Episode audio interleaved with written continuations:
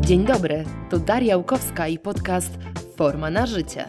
Do udziału w moich audycjach zapraszam ciekawe osoby, specjalistów w swoich dziedzinach, a także pasjonatów. Osoby, które swoją wiedzą, doświadczeniem czy podejściem do życia mogą zainspirować innych. Projekt Forma na życie stworzyłam z myślą o tym, aby promować zdrowe podejście do zdrowego stylu życia. Podejście holistyczne, bo liczy się tu nie tylko dieta czy ciało, ale też bez skrajności, bo w życiu ważna jest równowaga. Cóż, zapraszam do wysłuchania podcastu. To już rok, odkąd walczymy z wirusem, koronawirusem SARS-CoV-2, który powoduje COVID-19.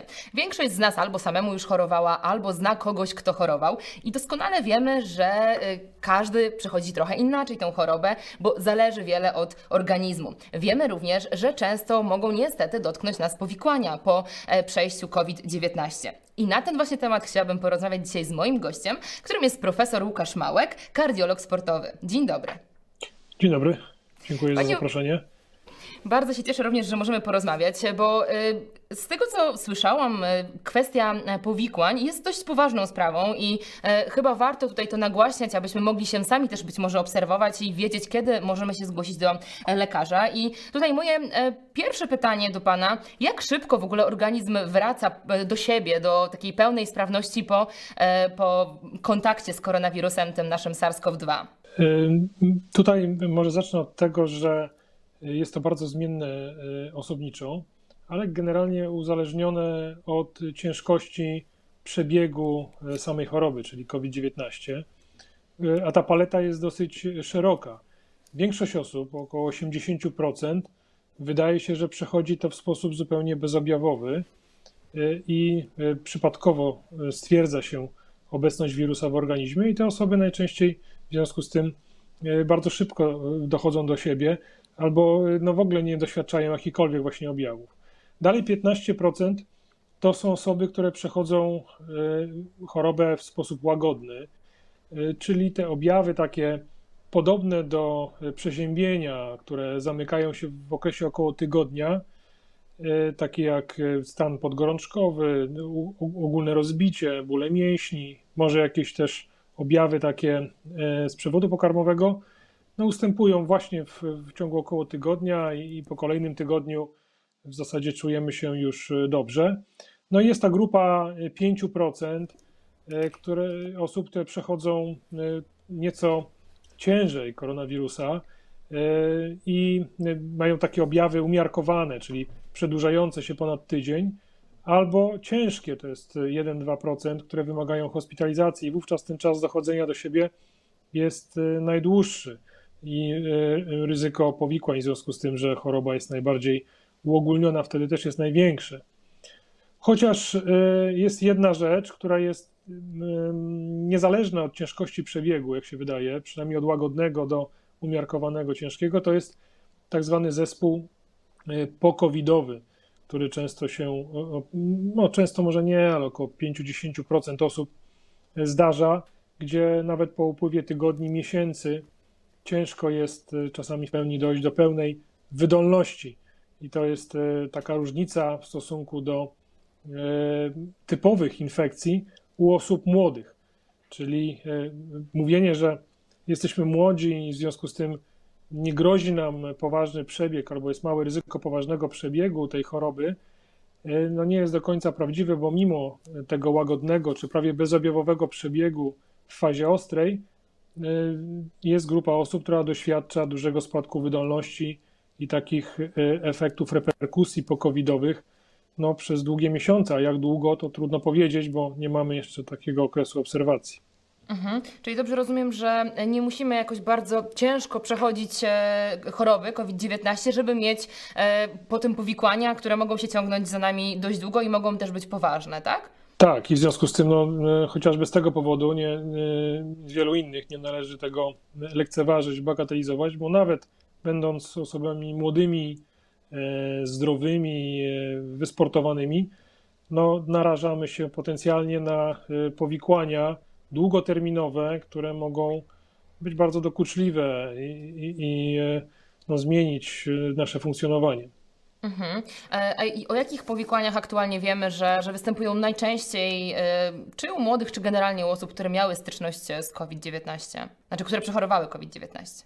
E, no tak, to takim najczęstszym powikłaniem, najczęściej zgłaszanym już po fakcie przechorowania, to jest takie utrzymujące się tygodniami zmęczenie, spadek wydolności organizmu, E, które objawia się tym, że w spoczynku mamy wyższe tętno, nasze tętno szybciej reaguje na wysiłek, my się szybciej męczymy. Aktywności, które wcześniej no, były dla nas z aktywnościami życia codziennego, czy niewielkim wysiłkiem, nagle sprawiają nam trudność. E, nawet wejście na drugie, trzecie piętro e, potrafi być trudne. Nie mówiąc o powrocie do sportu, do treningów, E, które były dla nas codziennością e, przed chorobą, to mogą być e, zaburzenia pamięci, zaburzenia snu, jakieś utrzymujące się bóle mięśniowe czy bóle w klatce piersiowej, zaburzenia rytmu ze strony takiej kardiologicznej.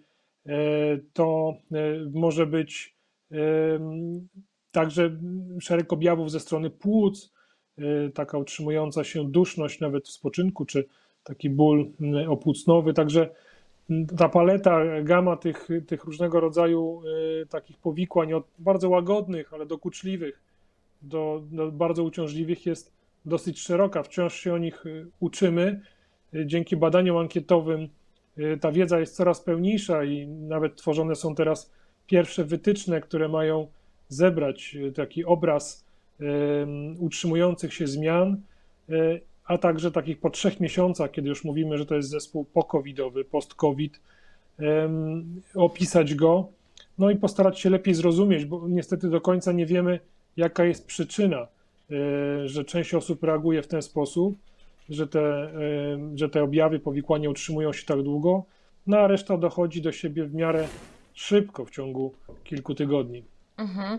Czyli rozumiem, że jeżeli nie znamy przyczyny, to pewnie też ciężko też mówić o tym, czy mamy wpływ na to właśnie, czy te powikłania się pojawią. No bo wspomniał Pan, że możemy być w dobrym e, stanie, y, osoba młoda, powiedzmy bez chorób współistniejących i mimo to może mieć te, te powikłania. Czyli tutaj nie możemy na razie mówić o tym, że e, możemy jakoś wpłynąć być może podczas choroby, nie wiem, bardziej o siebie dbać. E, czy w ogóle wiemy, czy coś może, jakkolwiek mamy wpływ na te powikłania później? No, najlepszy, najlepszą rzeczą, którą możemy zrobić, to chronić się przed zachorowaniem w możliwie mhm. optymalny sposób, czyli to wszystko, co, co wiemy już od roku, mhm. y, dystans, dezynfekcja, maski. W czasie już samego zachorowania nie mamy specjalnie na to y, mhm. wpływu. Tutaj jest kilka hipotez. Y, prawdopodobnie reagując nasz układ odpornościowy silniej, powoduje, że te osoby, które tak, taką silną reakcję układu odpornościowego własnego mają, czyli właśnie często osoby młode, Y, mogą też mieć y, takie długo utrzymujące się powikłania, też związane z układem y, immunologicznym, tylko o charakterze autoagresji. Do tego dochodzi do, do zaburzeń układu autonomicznego, współczulnego i przywspółczulnego, takiej tak zwanej dysautonomii, dysregulacji, która powoduje, że przejściowo mogą być problemy z ciśnieniem, czy właśnie z reakcjami tętna, które może być za wysokie, za szybko reagować nieadekwatnie do wysiłku, Możemy mieć zawroty głowy przy wstawaniu y, gwałtownym, tak jak w tak zwanej hipotonii ortostatycznej. Mhm. Y, także no takie są hipotezy, ale jakiegoś mechanizmu nie znamy, a ponieważ nie znamy przyczyny do końca, no to nie jesteśmy w stanie się przed tym y, chronić inaczej niż unikając po prostu zachorowania. No i to też jest ważne w kontekście osób właśnie młodych, że nie wiemy, każdy potencjalnie może być narażony na takie długo terminowe powikłania. Ja w swojej praktyce obserwowałem, mam pod opieką sportowców wyczynowych y, na bardzo dużym stopniu wydolności, którzy po de facto łagodnym przejściu y, COVID-19 no, nie mogą mimo upływu miesięcy dojść do siebie. Ich wydolność spadła o połowę. Y, nie ma mowy o jakichkolwiek startach, poprawianiu wyników. Jest cały czas problem z dojściem do jakiejś podstawowej wydolności. Także to rzeczywiście e, ma miejsce e, i, i takie przypadki się zdarzają. Czyli tutaj y, szczepionka jakby y, może być takim rozwiązaniem też tutaj, jakby, bo y, jeżeli się zaszczepimy, to, to ten kontakt z wirusem, y, rozumiem, y, inaczej. Chodzi mi o to, czy my musimy zachorować na COVID-19, czy wystarczy mieć kontakt z wirusem i mogą się pojawić te powikłania później, bo, bo, no, bo nie każdy kontakt z wirusem wywoła COVID-19, jak dobrze rozumiem. Tak, no tutaj e, szczepiąc się, my, my, poddajemy nasz układ odpornościowy e, treningowi w takich warunkach kontrolowanych. Czyli nie podajemy samego e, wirusa, tylko antygen, na który on uczy się reagować. No i w związku z tym wydaje się, że dzięki szczepionce też częstość nie tylko ciężkich zachorowań, ale tego typu powikłań się zmniejszy.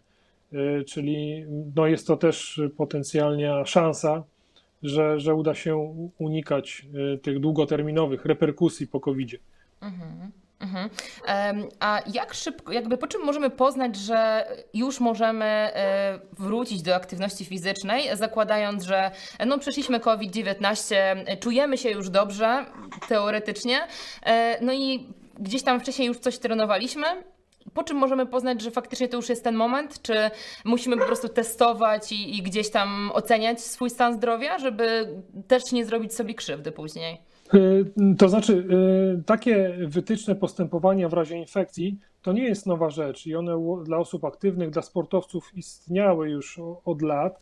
Generalna zasada zawsze była taka, że w czasie infekcji, szczególnie z gorączką, należy odpuścić treningi, na cały ten okres objawowy i jeszcze około 4-5 dni po e, ustąpieniu objawów. I dopiero potem e, wracać można do powoli treningów.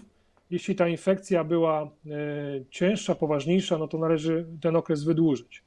Jeśli chodzi o SARS-CoV-2 i COVID-19, to tutaj zastosowano analogię, która wydaje się, że się sprawdza, bo, bo kolejne badania u sportowców wyczynowych, gdzie no, siłą rzeczy y, ograniczany jest ten czas przerwy y, do jak najkrótszego, nie występują jakieś dramatyczne powikłania, jeśli się tego przestrzega. I te zasady są następujące. No, y, w przypadku zachorowania musimy oczywiście zaprzestać wszelkiej aktywności, dlatego że będzie to wydłużało proces trwania choroby. Może nas potencjalnie narozić na powikłania w postaci zajęcia serca też przez, przez tą chorobę. I ten okres przerwy powinien wynosić cały okres objawów i tydzień później od ustąpienia objawów.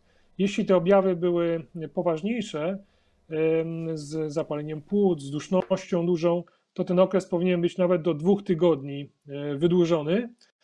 I oczywiście też nie jest tak, że po tym tygodniu czy dwóch tygodniach my do tej aktywności możemy od razu wracać w formie maksymalnej. Powinniśmy robić to stopniowo, też na przestrzeni tygodnia, zaczynając od lekkich aktywności, monitorując cały czas, czy dobrze się czujemy, czy nie ma objawów, jak reaguje nasze tętno, nasz organizm.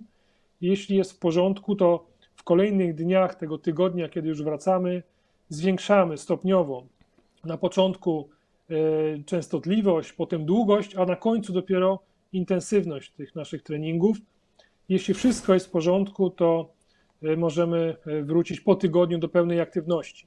Czyli w przypadku tych większości zachorowań takich łagodnych, to jest y, tydzień przerwy od czasu ustąpienia objawów, kolejny tydzień już rozpoczęcia treningów, ale powoli dochodzenia do siebie, do pełnych treningów, w związku z tym od ustąpienia więcej po dwóch tygodniach, jeśli wszystko jest w porządku i nic niepokojącego się nie dzieje, możemy wrócić. Mhm. A mm, co może być właśnie niepokojącego? Jakie objawy powinny nas e, tutaj zatrzymać? Być może e, jakie objawy powinny być tutaj dla nas sygnałem, że być może warto się skonsultować z lekarzem i, ocenić tą naszą e, czy zdolność do wysiłku aktualnie, czy to ryzyko powikłań? Jeśli chodzi, jeśli chodzi o tą chorobę, ryzyko dotyczy w kontekście sportu płuc i serca, bardziej serca niż płuc ale też e, jeśli chodzi o częstość, częściej dochodzi do zmian w płucach niż w sercu. No, ale to są głównie objawy dotyczące tych e, dwóch e, narządów. Objawy takie jak bóle w klatce piersiowej, zwłaszcza związane z wysiłkiem, zaburzenia rytmu, czyli uczucia nierównego bicia serca, jakichś napadów, często skurczów, kołatania serca, duży wzrost tętna w spoczynku, no i takie objawy jak znaczny spadek wydolności, który się utrzymuje w czasie, już nie mówiąc o, o jeszcze poważniejszych w postaci omdleń czy utrat przytomności. To są wszystko takie objawy. Jeśli chodzi o płuca z kolei, to jest brak tchu, spoczynku czy w czasie wysiłku, duszność, e, kaszel utrzymujący się. To są takie objawy, które powinny skłonić nas do wykonania dodatkowych badań, żeby wykluczyć jakieś powikłania w sercu i w płucach, czyli do udania się do lekarza i wykonania takich podstawowych badań. Jeśli chodzi o płuca, najczęściej to jest e, rentgen. Jeśli chodzi o serce, to jest taka e, zalecana grupa trzech badań: EKG, podstawowe badanie kardiologiczne, echo serca e, i jeden marker z krwi, czyli troponina. To jest marker uszkodzenia serca, też badany w czasie zawału, ale nie tylko, na przykład w czasie zapalenia mięśnia sercowego też wzrastający. No i takie trzy badania, no to są badaniami przesiewowymi w przypadku objawów aby no, wykluczyć, czy z tym sercem nie dzieje się coś niepokojącego. Oczywiście, jeśli coś w tych badaniach jest nie tak, no to za tym idą kolejne badania już bardziej drobiazgowe. Mhm. E, na, na moim Instagramie pytałam właśnie e, moich obserwatorów o, o, różne pytania, które, które mają w tym kontekście. I jedno z pytań było, jakie badania wykonać po przechorowaniu COVID-19, e, zakładając powiedzmy, że nie mamy objawów. Czy powinniśmy po tym czasie, powiedzmy już oczywiście, który minął, mm, po jakiejś przerwie, właśnie pytanie też po jakiej przerwie od momentu zakończenia się objawów, wykonać takie rutynowe badania sprawdzające, jak tam nasz stan zdrowia po tym przechorowaniu. Zakładając, że nie ma objawów, mhm. bo teraz Pan wspominał o tych w sytuacji objawów, a zakładając, że nie ma objawów, czy, czy, czy powinniśmy coś takiego wykonać, a jeżeli tak, to, to jakie to powinny być badania? Jeśli ten przebieg był łagodny, nie mówiąc już o bezobjawowym, nie ma konieczności wykonywania jakichś kontrolnych badań przed powrotem do aktywności fizycznej. Oczywiście ważne jest zachowanie tego odstępu i stopniowego powrotu, ale nie ma konieczności wykonywania badań.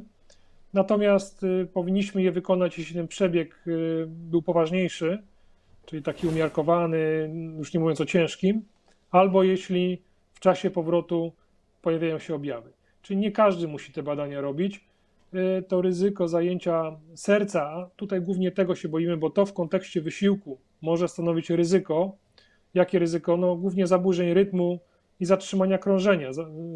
Mówimy o takim powikłaniu jak zapalenie mięśnia sercowego czy osierdzia, które zdarzało się i zdarza się y, po infekcjach, nie tylko po tej, ale po innych infekcjach dróg oddechowych czy przewodu pokarmowego, wirusowych.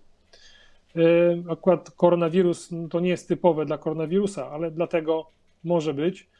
I, takie powikłanie zdarzało się y, i stanowi mniej więcej 5% przyczyn nagłych zgonów sportowców. I tego się głównie obawiamy, bo to może być konsekwencja no, bardzo poważna. E, I ćwiczenie z mięśniem, który jest zmieniony zapalnie, naraża nas na takie właśnie powikłania w postaci zaburzeń rytmu, zatrzymania krążenia, przedłuża ten proces zapalny, powoduje, że serce no, może nie dojść do siebie też nigdy, przejść w fazę niewydolności. E, I dlatego no tego się głównie y, y, obawiamy, ale to ryzyko przy tych łagodnych postaciach choroby jest, jest no minimalne i nie warto jest wykonywać badań. Natomiast jeśli mamy objawy, jeśli przebieg był cięższy, to wtedy te, o których wspominałem, warto badania wykonać. Mhm. Jedno z pytań tutaj też pojawiło się właśnie a propos bóli w klatce e, piersiowej podczas biegania. E, I, te, I też drugi objaw, e, pogorszona koncentracja. W tym też spotkałam się z jednym artykułem w kontekście mm, tej, tej, tak zwanej tej mgły mózgowej, brain fog, czyli tego zamglenia, braku właśnie możliwości skoncentrowania się, jako też jeden z, jedno z powikłań po, po, po COVID. Czy tak może też być? Tak, takie no, objawy właśnie one należą do tej y, szerokiej gamy utrzymujących się długo objawów. Y, one no, w kontekście aktywności fizycznej aż takiego ryzyka nie, nie stanowią. Tutaj głównie boimy się o, o serce, ale oczywiście no, mogą pogarszać y, dobrostan ogólny. Jeśli chodzi o serce, to ja może powiem jeszcze, jak, jak to procentowo wygląda, bo my badaliśmy, y, ja w, w porozumieniu z Centralnym Ośrodkiem Medycyny Sportowej i Warszawskim Uniwersytetem Medycznym zawodowych sportowców. Oczywiście amatorskiego uprawienia sportu no, nie można do końca porównywać z y, grupą zawodowców, y, członków kadry olimpijskiej czy czołowych klubów. I my badaliśmy dosyć szeroko, wykonując rezonans serca wszystkich, którzy przeszli jesienią sportowców właśnie z tej grupy elitarnej. I tylko u jednej osoby na 50 badanych stwierdziliśmy jakieś dyskretne zmiany w sercu, czyli to jest no, 2% e, mniej więcej w tym naszej grupie. Natomiast w grupie amerykańskiej, e, gdzie 800 sportowców przebadano z czołowych lig NBA, NFL, NHL, okazało się, że to zajęcie serca występowało u pół, czyli jeszcze, jeszcze rzadziej. Więc na szczęście nie jest to duży problem. I ta jedyna osoba, o której my w Polsce stwierdziliśmy zmiany, przechodziła COVID właśnie nie w sposób łagodny, tylko taki umiarkowany i w tych podstawowych badaniach, czyli EKG, echo oraz troponina miała pewne odchylenia, więc ona no, y, rzeczywiście została wychwycona dzięki tym badaniom. Natomiast u osób, które miały łagodny przebieg, nie spotkaliśmy ani jednego przypadku zajęcia y, serca. I w związku z tym no, zalecenia są takie, w związku na dostępność badań i niskie ryzyko, że nie ma konieczności takiego powszechnego badania y, serca u wszystkich, którzy przeszli w jakiejkolwiek postaci tą chorobę. Mhm. A tutaj, jeżeli chodzi o kwestię aktywności fizycznej, też, e, też pojawiło się pytanie, czy bycie aktywnym fizycznie przed zachorowaniem e, może łagodzić intensywność e, przebiegu choroby i ewentualnie przyspieszenie powrotu do formy. Czy, czy tutaj możemy taką zależność zobaczyć, czy, czy to jest totalnie osobniczo zmienne? Tak, to no, wiemy, że czynnikami ryzyka ciężkiego przebiegu tej choroby, poza wiekiem, no to są choroby współistniejące. I do tych chorób y, należy otyłość, y, należy nadciśnienie, cukrzyca, niewydolność serca, niewydolność nerek. Y, u osób, które są szczególnie przez całe życie aktywne, najczęściej no, te czynniki ryzyka nie występują. To są osoby częściej szczupłe, częściej z niższymi wartościami ciśnienia tętniczego, nie mają cukrzycy, która często jest związana z otyłością właśnie typu drugiego. E, serce e, jest w cudzysłowie mocniejsze, nie jest niewydolne i w związku z tym no, to ryzyko ciężkiego przebiegu choroby jest niższe e, ze względu głównie na brak czynników ryzyka. No, częściej też osoby aktywne są młodsze, więc tej grupie wiekowej też ten przebieg jest y, łagodniejszy, chociaż to, jak widać, ostatnio zmienia się wraz z pojawieniem się nowych wariantów, y, y, szczególnie w grupie 30-40 lat tych zachorowań poważniejszych jest więcej. Także taka aktywność fizyczna regularna, no to wiadomo też już od, od lat i są na to badania, nie może jednoznaczne, ale takie pośrednie pokazujące, że wzmacnia naszą odporność. Powoduje, że my jesteśmy mniej narażeni na różnego rodzaju infekcje y, przebiegające objawowo i to też y, przekłada się na, y, na tą infekcję. No chociaż oczywiście, tak wracając do tego, co mówiłem na początku, no nie należy upatrywać w tym swojej szansy na to, że przebieg zawsze na pewno będzie łagodny, bo jesteśmy młodzi, bez czynników ryzyka i w związku z tym możemy robić, co nam się żywnie podoba, lekceważyć zalecenia, y, nie zaprzestawać aktywności fizycznej, nie leczyć się w przypadku wystąpienia objawów, no bo to może być y, złudne. Mhm. No tak, zwłaszcza też, że gdzieś tam e, dochodzi kwestia tej odpowiedzialności społecznej, prawda? Czyli e, no raz, że może e, my jesteśmy młodzi i, i jakby tak. możemy lepiej przejść, ale, ale dwa, że jednak narażamy innych. No ale tutaj też wa ważna kwestia, no, o której Pan powiedział, że jakby to, że jesteśmy młodzi i bez chorób współistniejących nie jest stuprocentowo takim, nie jest taką szczepionką dla nas, że tak powiem, tylko, tylko to jest tylko zmniejsza być może to ryzyko, prawda? Tak, tutaj... dokładnie. Mhm. E, tu jedno z, jedno z pytań jeszcze e, i to dwukrotnie. E, raz pytanie a propos mm, tego, czy COVID-19 może spowodować znacznie obniżony poziom ferrytyny, a drugim pytaniem było tak jakby pośrednie, ale też myślę, że pewnie o tym samym, czyli że gdzieś tam te wypadanie włosów po COVID, czyli podejrzewam, że też po intensywnej chorobie. Czy, czy przebieg choroby po prostu jakiejkolwiek intensywnej może się wiązać z obniżonym poziomem ferrytyny, czy, czy to może być jakieś specyficzne typowo dla COVID-19? Czy, czy, czy coś tutaj może Pan nam powiedzieć na ten temat? Ferrytyna, czyli e, białko magazynujące e, żelazo w naszym organizmie, to są te nasze magazyny żelaza, jest też tak zwanym białkiem e, ostrej fazy, mhm. czyli białkiem, które ulega syntezie i poziomie wzrasta w czasie różnego rodzaju infekcji stanu zapalnego. Podobnie jak szereg innych czynników, białko C reaktywne, interleukiny, E, białe e, krwinki, poziom ich e, stężenie też się podnosi. Czyli w czasie samej infekcji ten poziom może być podwyższony, a potem reaktywnie po infekcji może być obniżony w wyniku wyczerpania tych zdolności syntetycznych. Natomiast u osób aktywnych, szczególnie uprawiających sporty wytrzymałościowe, abstrahując już od infekcji, E, spotyka się często niedobory e, żelaza e, i w związku z tym też niskie stężenie ferytyny. I to niekoniecznie musi być związane z samym, z samym wirusem SARS-CoV-2 czy z COVID-em. To może być przypadkowe znalezisko, bo akurat w kontekście wirusa ktoś wykonał sobie badania laboratoryjne i okazało się, że ma niskie stężenie ferytyny, które miało od miesięcy, od lat, czyli jakieś już pierwsze symptomy niedokrwistości, nawet z niedoboru żelaza, y, która, y, która się zdarza. Było kilka hipotez, dlaczego, nawet takie, że to pod wpływem uderzanie stopą o podłoże, czy mhm, wykonywanie jakichś mhm. gwałtownych ruchów, rozpadają się krwinki czerwone. Wydaje się po prostu, że przyczyną tego jest duże zapotrzebowanie jednak na żelazo, większy troszkę obrót i metabolizm organizmu i w związku z tym ta suplementacja żelaza czasami jest y, y, zasadna, nawet nie, nie w kontekście samego wirusa. Znaczy, ja nie, nie jestem zwolennikiem y, przyjmowania suplementów bez powodu, bez określonej mhm. przyczyny.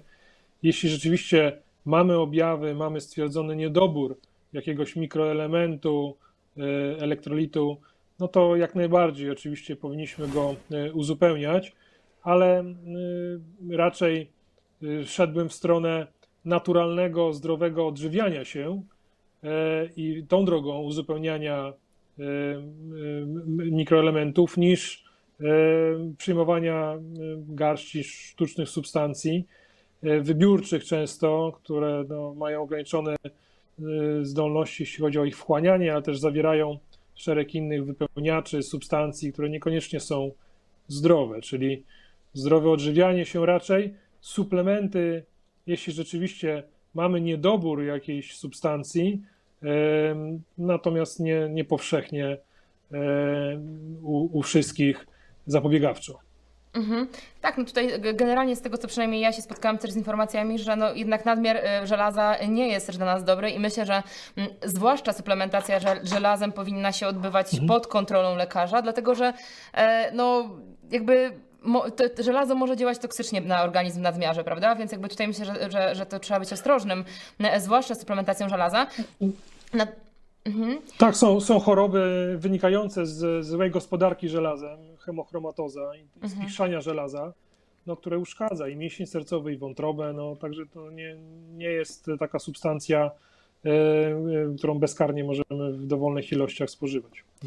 Tak, natomiast gdzieś tam w międzyczasie jeszcze pytałam e, a propos, bo, bo, nie wiem, czy to, to, to e, też dobrze wybrzmiało, czy e, zakładając właśnie tego, tego ambitnego amatora naszego, który się bada rutynowo, czy, czy tutaj Pan zaleca też badanie ferytyny, czy tylko żelaza najpierw i, i, i ewentualnie później ferytyny, jeżeli byłyby wskazania?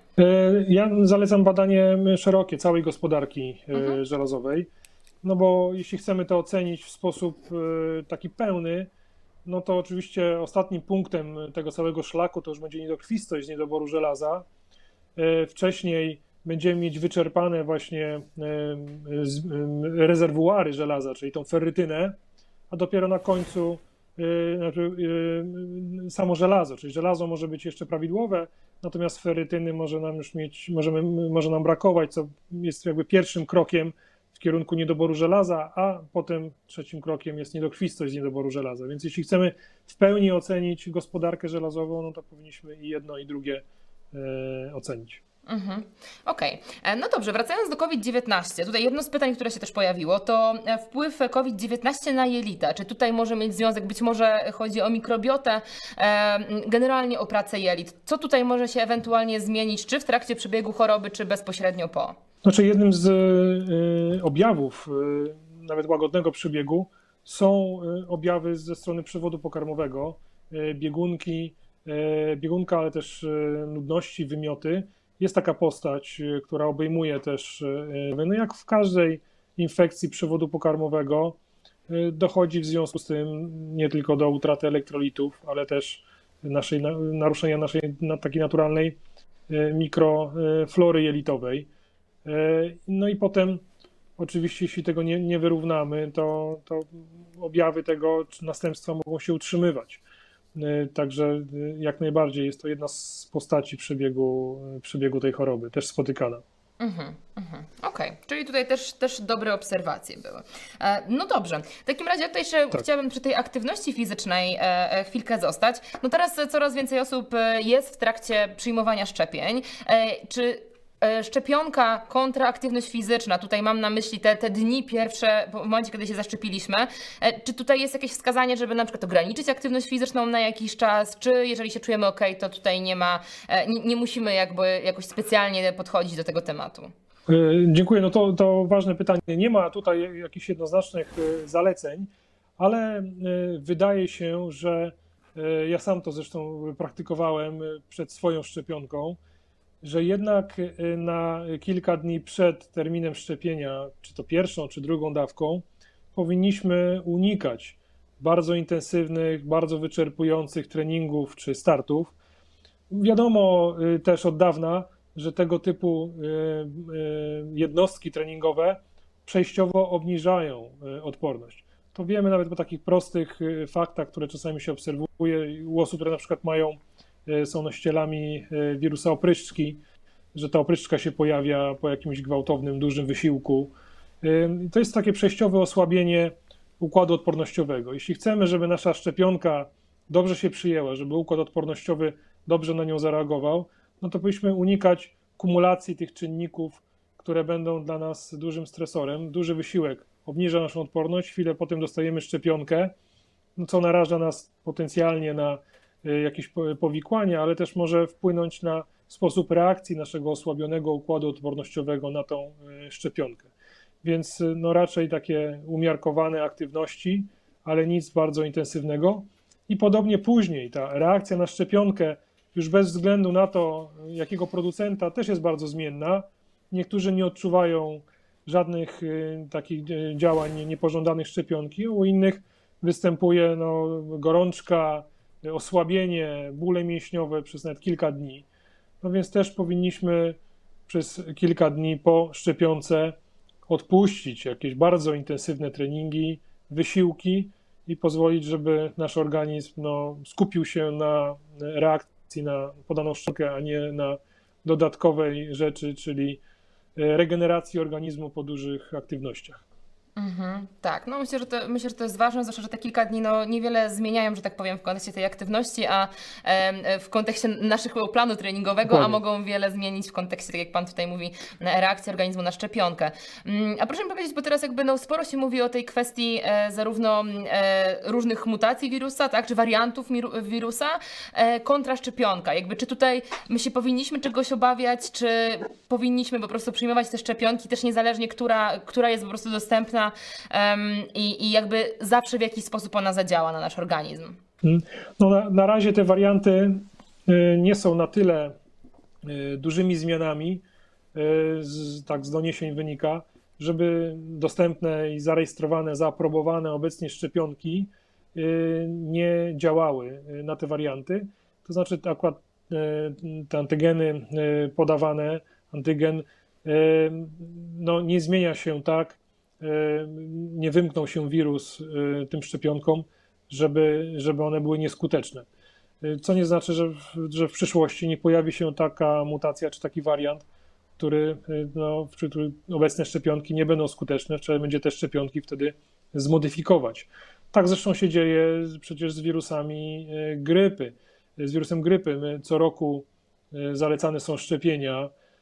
Akurat w Polsce mało kto z nich korzystał, ale też na każdy rok jest opracowywana nowa wersja szczepionki zawierająca te antygeny, dwa hemaglutininę neuraminidazę, które prawdopodobnie w danym sezonie będą występowały. E, więc no, nie szczepimy się wciąż tą samą od lat szczepionką, tylko za każdym razem co roku ona jest e, zmodyfikowana, no bo wirus e, zmienia się, tak? Zmienia się mniej lub bardziej i w związku z tym trzeba do tego dostosowywać te szczepionki. Na razie, jeśli chodzi o koronawirusa, no to te warianty, które są obecnie dostępne, nie stanowią ryzyka w kontekście dostępnych szczepionek. Mhm. No to jest na pewno dobra wiadomość dla nas. Mm, a, a, a proszę mi jeszcze tutaj powiedzieć, bo e, ostatni mój podcast, który robiłam na temat też między innymi objawów poszczepiennych e, z, z dr Małecką, e, wtedy była dostępna tylko e, szczepionka Pfizera. Teraz już mamy kolejne dwie, tak? I e, czy my coś nowego wiemy na temat tych objawów poszczepiennych, bo mm, no jednak to jest częsty, jednak dalej e, częsta obawa wielu osób, które się wahają wciąż, czy się szczepić, czy nie. E, czy tutaj cokolwiek się pojawiło w międzyczasie od tego momentu, kiedy była tylko szczepionka Pfizera, co powinno nas jakkolwiek niepokoić? No zakładam, że skoro się szczepimy, to nie, ale chciałabym tutaj, żeby e, słowo, słowo od fachowca, że tak powiem, specjalisty. O, o powikłaniach po, poszczepiennych.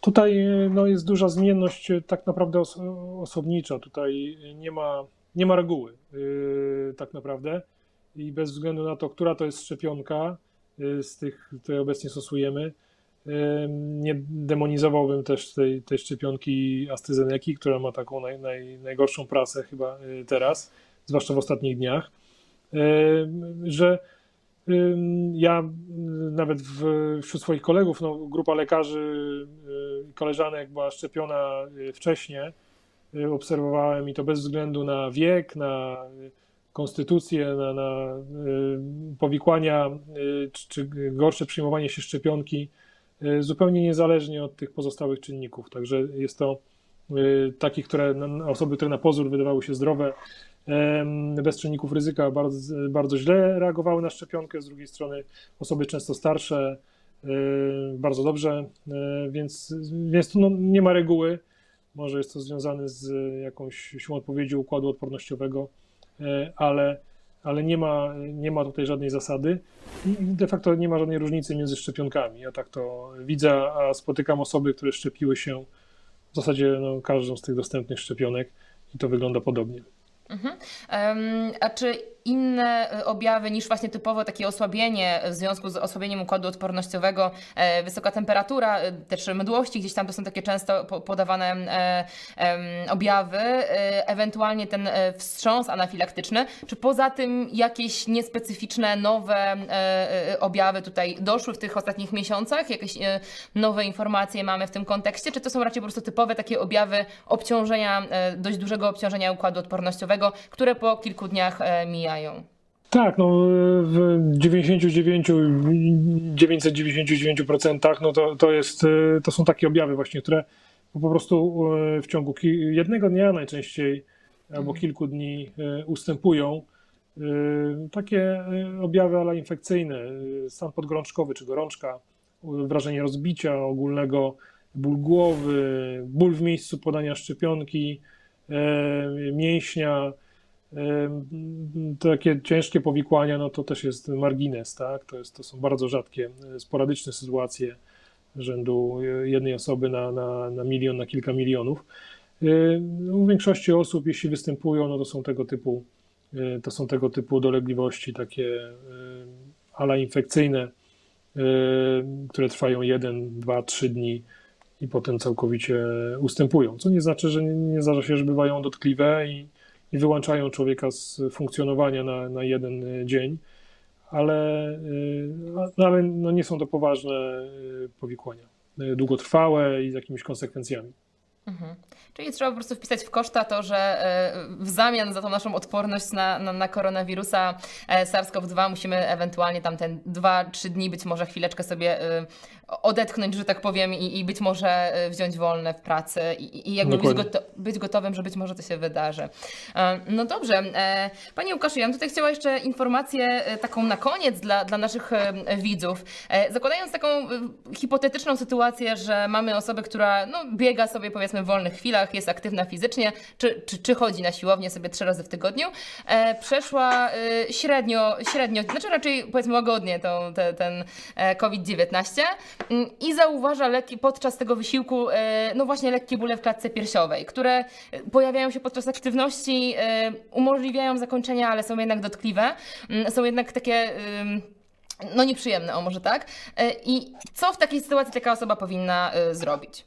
E, jeśli to e, rzeczywiście jest, e, są dolegliwości, które pojawiają się w sposób powtarzalny, czyli nie jest tak, że był to jakiś jednorazowy incydent, tylko pojawiają się no, przy kolejnej próbie aktywności. I rzeczywiście zlokalizowane są, związane z tą aktywnością w klatce piersiowej, czy występują potem w spoczynku, no to powinna wykonać te badania, o których mówiłem wcześniej, takie przesiewowe w kierunku ewentualnie zajęcia serca przez koronawirusa, czyli EKG, echo serca i oznaczyć sobie z krwi troponinę. A tak naprawdę z tych wszystkich badań, jak pokazało to badanie amerykańskie, to echo serca chyba jest najbardziej takim swoistym i dokładnym diagnostycznie i EKG troponina potrafi być myląca, więc no, można skupić się na tych dwóch badaniach. W echo serca szukamy jakichś zaburzeń kurczliwości mięśnia, płynu w worku osierdziowym. To są takie cechy stanu zapalenia mięśnia sercowego czy osierdzia. W EKG też pewne zmiany, zmiany zapisu są sugestywne dla, dla pewnych zmian, które mogą się w sercu toczyć. E, nawet już abstrahując od tej podwyższonej troponiny. No i oczywiście, jeśli, jeśli takie dolegliwości są, no to na czas tej diagnostyki należy się wstrzymać z aktywnością fizyczną, zakończyć tę diagnostykę, no i dopiero wtedy uzyskać zielone światło, jeśli wszystko w tych badaniach będzie w porządku i wrócić do treningów, uznając, że to są niespecyficzne bóle w klatce piersiowej.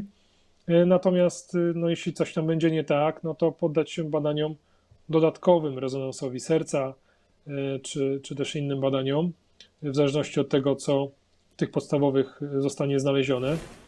E, natomiast e, no, na pewno nie można tego zlekceważyć. Także jest tak, że realne jest to zajęcie serca, rzadko występujące, ale, ale nie jest to anegdotycznie tylko zdarzające się przypadki. I na tym etapie roku życia z pandemią no, nie powinniśmy tego lekceważyć, powinniśmy y, poddać się badaniu, żeby no, wykluczyć jakieś ryzyko. Czyli nie lekceważyć tego, nie kontynuować za wszelką cenę tych wysiłków, licząc, że to przejdzie i wszystko będzie dobrze. Raczej, raczej należy się przebadać. Mhm. A w takiej sytuacji zgłaszamy się do kardiologa czy do lekarza pierwszego kontaktu?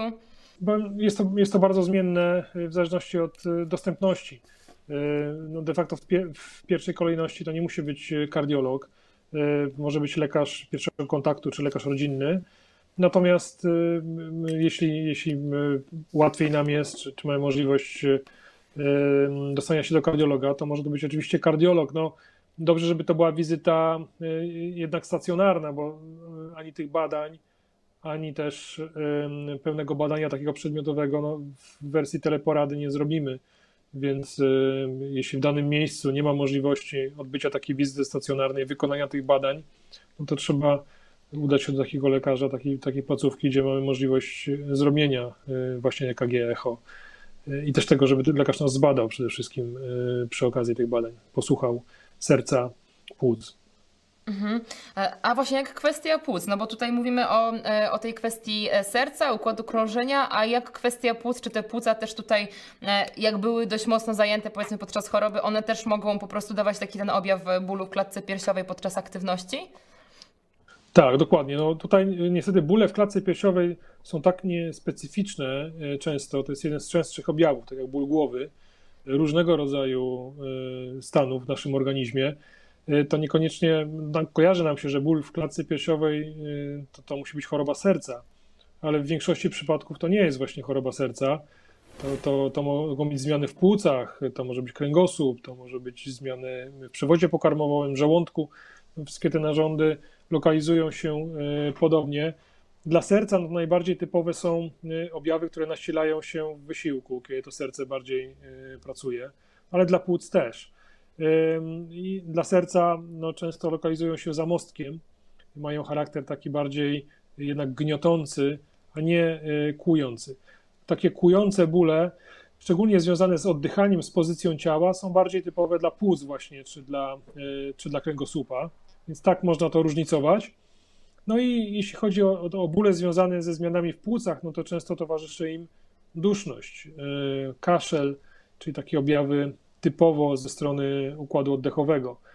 I oczywiście jest to wirus, który w pierwszej kolejności e, objawia się zmianami w e, układzie oddechowym, więc częściej nawet dochodzi do tych zmian w płucach, oczywiście, niż, niż w sercu. I tutaj dużo częściej jakieś zagęszczenia, e, zapalenie płuc e, występuje.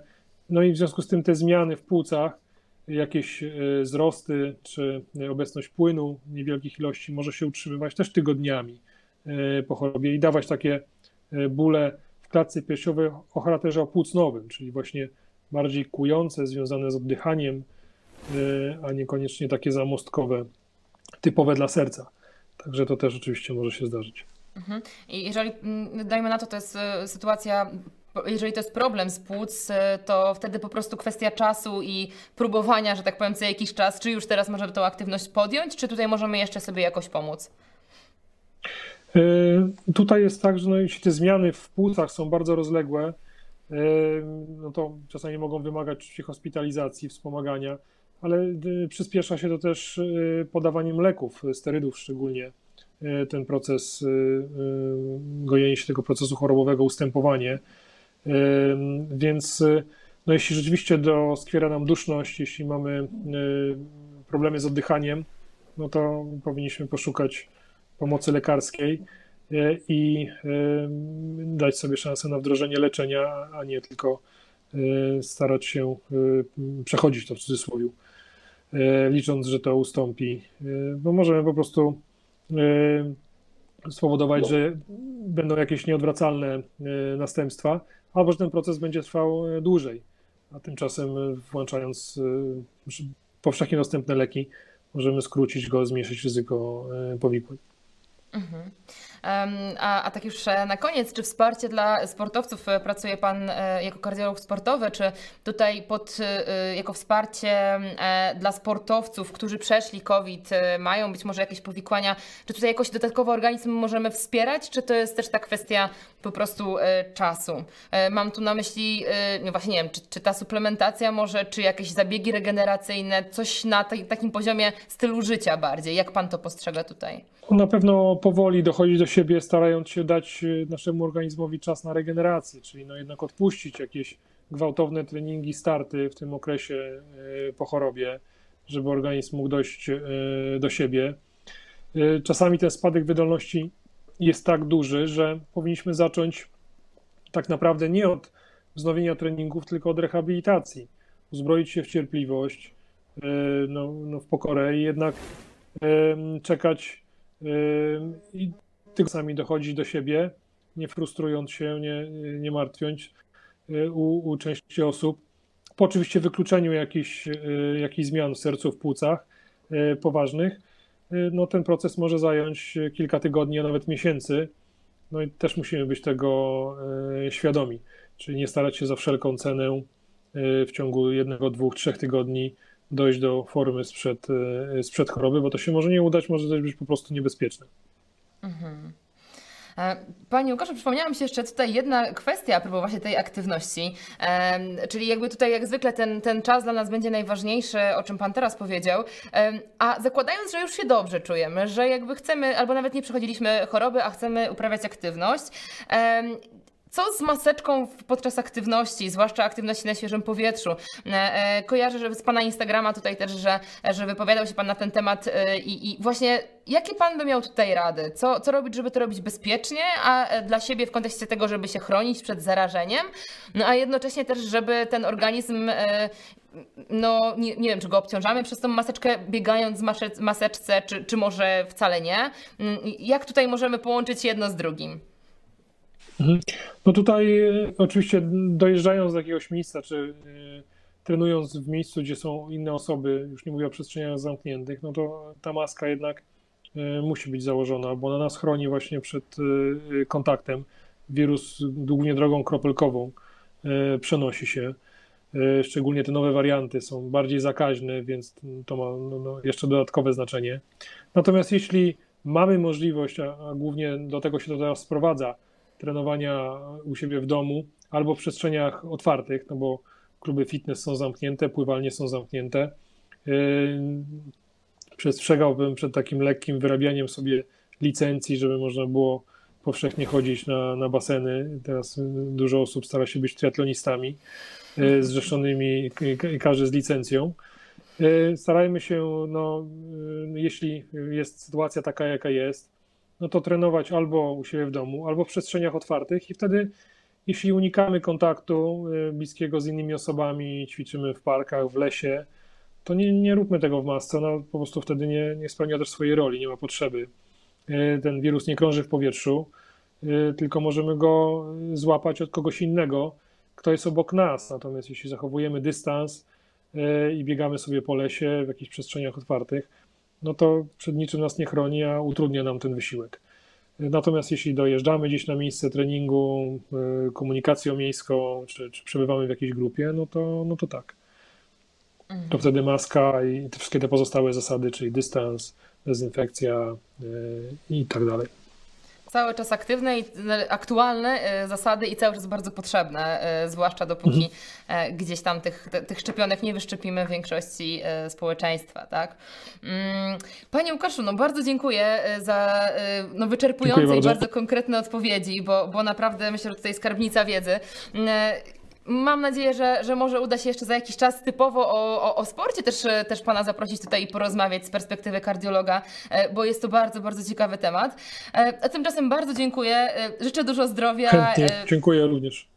A naszym widzom życzę no, jak najmniej powikłań covidowych, jeżeli już ta choroba wystąpi. Jeszcze raz bardzo dziękuję i do usłyszenia. Dziękuję, że znalazłeś czas na wysłuchanie tego podcastu. Myślę, że z pewnością znasz kogoś, komu informacje tu zawarte mogą się przydać. Możesz podesłać mu link do tego nagrania. A jeśli zechcesz udostępnić ten podcast na swoich mediach społecznościowych, tym bardziej będzie mi miło, a projekt Forma na Życie będzie rozwijał się szybciej. Z góry dzięki! Jeśli chcesz obejrzeć ten podcast wraz z nagraniem wideo, wpadnij na mój kanał na YouTube. Znajdziesz mnie tam pod nazwą Daria Łukowska Forma na Życie. Zapraszam Cię też na moje media społecznościowe, czyli na Instagram i Facebooka, gdzie dzielę się moimi przemyśleniami z życia codziennego. Ja nazywam się Daria Łukowska, a to był podcast Forma na Życie. Do usłyszenia!